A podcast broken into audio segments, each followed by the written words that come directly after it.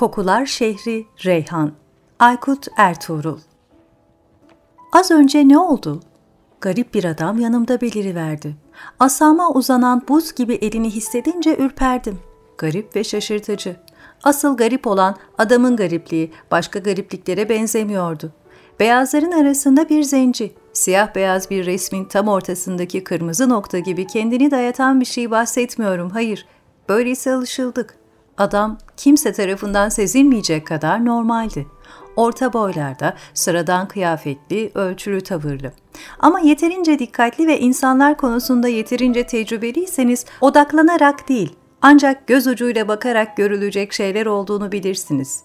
O gizemli sıra dışılık, bildik mimiklerin en kuytu köşesine saklanan, dehşetin ya da olağanüstülüğün kıyısında dolaşmış adamlara has o görmüş geçirmişlik.'' Uzun bir yolun tam ortasında kafileden ayrılmış çölün dalgalarını izliyordum. Asamı istemsizce kendime doğru çekip ona döndüm. Özlemedin mi dedi. Korkum kayboldu. Daha sorusu bitmeden oradan bahsettiğini anlamıştım. İç çektim. Bir anda bir şey olmuş ve bu garip adamla ben ortak bir hatıranın karşısına kurulmuş izlemeye başlamıştık. O mucizevi şehirden bahsediyordu. Hafızanın, ruhun, kokuların şehrinden. Yalnızca bir kez yaşadığım o esrarengiz büyüden. Adam bağdaş kurup oturdu. Yanını işaret etti. Nedense gözü hala asamda gibiydi. Hangi şehirde, hangi zamanda ya da hangi yolda olursam olayım, yarı kapalı gözleri burnunun ucunda yürüyen, elinde işlemeli bir mendille sağa sola yalpalayan, geceleri yattığı yerde bir o yana bir bu yana dönen, uyuyamayan, uzaklara dalıp giden birini görünce Reyhan şehrini hatırlarım. O kişi bir sarhoş olabilir, aşık ya da yaralı bir asker, uykudan yeni uyanmış bir tembel, kendini bilmez bir meczup, hesaba dalmış bir tüccar ya da senin durumunda dalgın bir seyyah. Önemli olan onun kim olduğu değil, benim hafızamdaki göle attığı taş ve sebep olduğu dalgalardır. Nefesim tutuldu. İşte kokuyu alıyordum. Önümde göz alabildiğini uzanan çöl silikleşti. Reyhan bütün görkemiyle belirmeye başladı. Bir boşluğun tam ortasına kokular şehrini hatıralarımla yeniden kuruyor gibi hissettim. Şehir, ev ev, sokak sokak kokusuyla çölün ortasında belirirken ben unutulmuş bir şarkıyı kadim bir dua gibi mırıldanıyordum. Reyhan'da her şey kokusuyla vardır. Sokaklarında kaplanlar gezer Reyhan'ın. Ayak izleri Yasemin kokusudur. Göğünde zümrüde anka uçar. Kanat sesleri güldür. Mağaralarında geyikler uyur. Boynuzları zencefildir. Sık ormanlarında kurtlar, aslanlar cirit atar. Dişleri çam, kükremeleri söğüt kokusudur. Reyhan'da ruhu olan her şeyin bir kokusu da vardır. Senin kim olduğunu, kıymetini ne malın mülkün, ne makamın, soyun sopun ne de eşin dostun belirleyebilir. Kim olduğunu belirleyen şey ancak kokundur. Adam gözlerini inşa ettiğim şehirden zorlukla ayırıp bana yöneltti. Koku ruhun dilidir. Dünyada koku namına ne varsa Reyhan'ın kokusuna karışmıştır. Bu yüzden Reyhan'a bir kere gelen, ruhu Reyhan'ın sokaklarında dolaşan hiç kimse bir daha onu düşünmeden yapamaz. Artık neyi koklasa Reyhan'ı hatırlar. Biliyorsun Reyhanlı din adamları her yıl dünyanın dört bir yanından toplanan özel koku bitkileri şehrin ortasında kurdukları bir sunakta yakarlar. Zaten koku onların dilinde göğe yükselen duman demektir. Anlatılana göre yeryüzünün hafızası reyhandır. Geçmişte ve şimdi de ne olduysa reyhanda kokusu bulunmakta ve olmaktadır. Her yıl yakılan ateşlerle reyhanlılar gök varlıklarına yeryüzünü, bütün imkanları, olasılıklarıyla dünyayı hatırlatır. O an olup bitenden fazlası olan dünyayı. Adam acı çekiyor gibiydi. Benimkinden farklı bir özlem. Reyhan'da doğduğunu anlatırken doğduğu şehri gördüğünü yine ansızın anladım. Bir sürgün müydü? Kayıp mı olmuştu? Vatanına nasıl döneceğini bilemeyen bir haymatlos mu? O an bunun önemi yoktu. Şarkıma kaldığım yerden devam ettim.'' Reyhan'da her şeyin kokusu vardır. Oraya dünyanın dört bir yanından kervanlar gelir. Dünyanın bütün kokuları Reyhan'da depolanır, saklanır, arşivlenir. Derler ki bir gün bütün dünya yok olsa Reyhan kokularıyla yeniden ve eksiksiz olarak inşa edilebilir. Nehirleri Atlantis'in kokusunu gizler. Sokakları Şam'dır, Bağdat'tır. Kitaplarında İskenderiye kütüphanesi canlanır. Reyhan'da hiçbir şey kaybolmamıştır. Kirpikleri ıslanmıştı adamın. Harmoniyesinin içinden çıkardığı gülü koklayarak anlatmaya devam etti. Reyhan'da bin yıllık koku muhafaza odaları vardır. Burada insanı insan yapan duygular muhafaza edilir. Muhafaza odaları bütün insanlığı ilgilendiren diğer her şey gibi gayet kişisel ve küçük ayrıntılarla doludur. Akıl sır ermeyen minik mucizeler. Reyhanlı toplayıcılar dünyanın en ücra köşelerinden getirmişlerdir onları.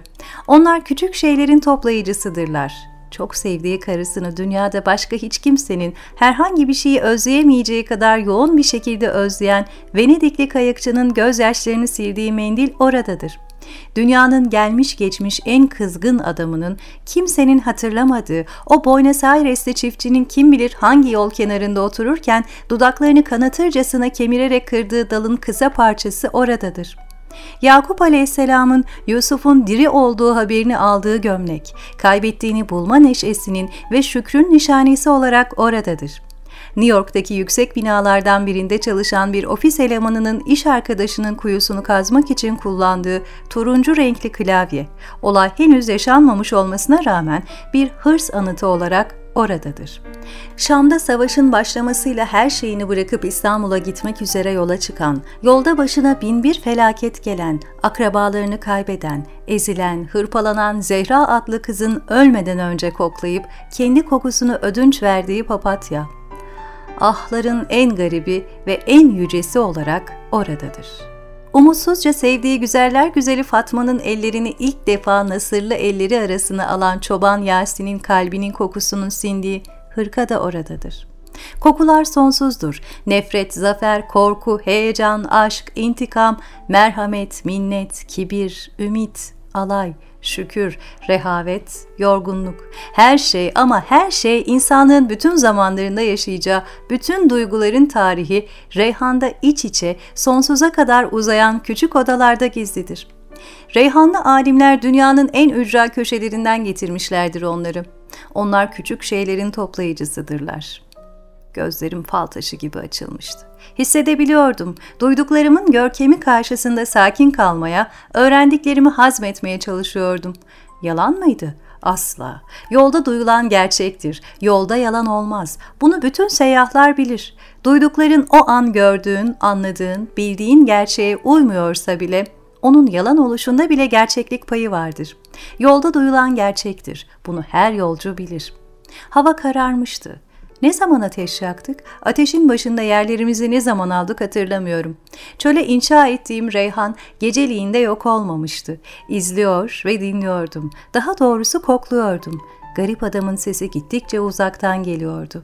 Reyhanlı toplayıcılar dünyanın her yerinde bütün zamanlarda dolaşıp her yıl yakılan büyük ateş için ot ve koku muhafaza odaları içinde eşya toplarlar. Çünkü dünyanın anlamı hissettiklerimizdedir. Ruh, kendini hislerde gösterir ve kokularla konuşur. Toplayıcılar iyi ya da kötü, zalim ya da cesur, zengin ya da fakir, kimin kokusunu reyhana götürmek için alırlarsa karşılığında ona bir gül bırakırlar. Reyhan için dünyanın en kıymetli hazinesi güldür. Gülün kokusudur çünkü. Para, altın, mal, mülk, silah her şey gül kokusu karşısında basit bir çöptür Reyhanlılar için. Gül mucizedir. Gül olağanüstü bir ödeme biçimidir. Bütün kokuları bünyesinde taşıyan Reyhan'ın simgesi de odur. Az önce ne oldu? Atımı kişnemesiyle uyandım. Gün ağarmış, çölün ortasında yapayalnız kalmıştım. Garip adamın söylediklerinin ortasında uyuyup kalmış olmalıyım. Adam kafile ve Reyhan gözden kaybolmuştu. Çaresizlikten değil, hasretle ağladım. Sönmüş bir ateşin başında uzun süre kendime gelmeye çalıştım. Nihayet eşyalarımı toplayacak enerjiyi bulunca harekete geçtim. Fakat asamı bulamıyordum. Yıllardır elimden düşürmediğim, nice şehirler gezdiğim, ona dayandığım, ustamdan devraldığım, benimle birlikte merak eden, merak ettiğim her şehri adeta benimle birlikte dolaşan asam sır olmuştu.'' Bir süre aradıktan sonra kaybımı kabullenip atıma bindim. Heybemden sarkan kırmızı gülü işte o zaman fark ettim. Kokladım. Çöl açılıp dün inşa ettiğim reyhana yol verdi. Gülü koklayarak umutla atımı çöle sürdüm.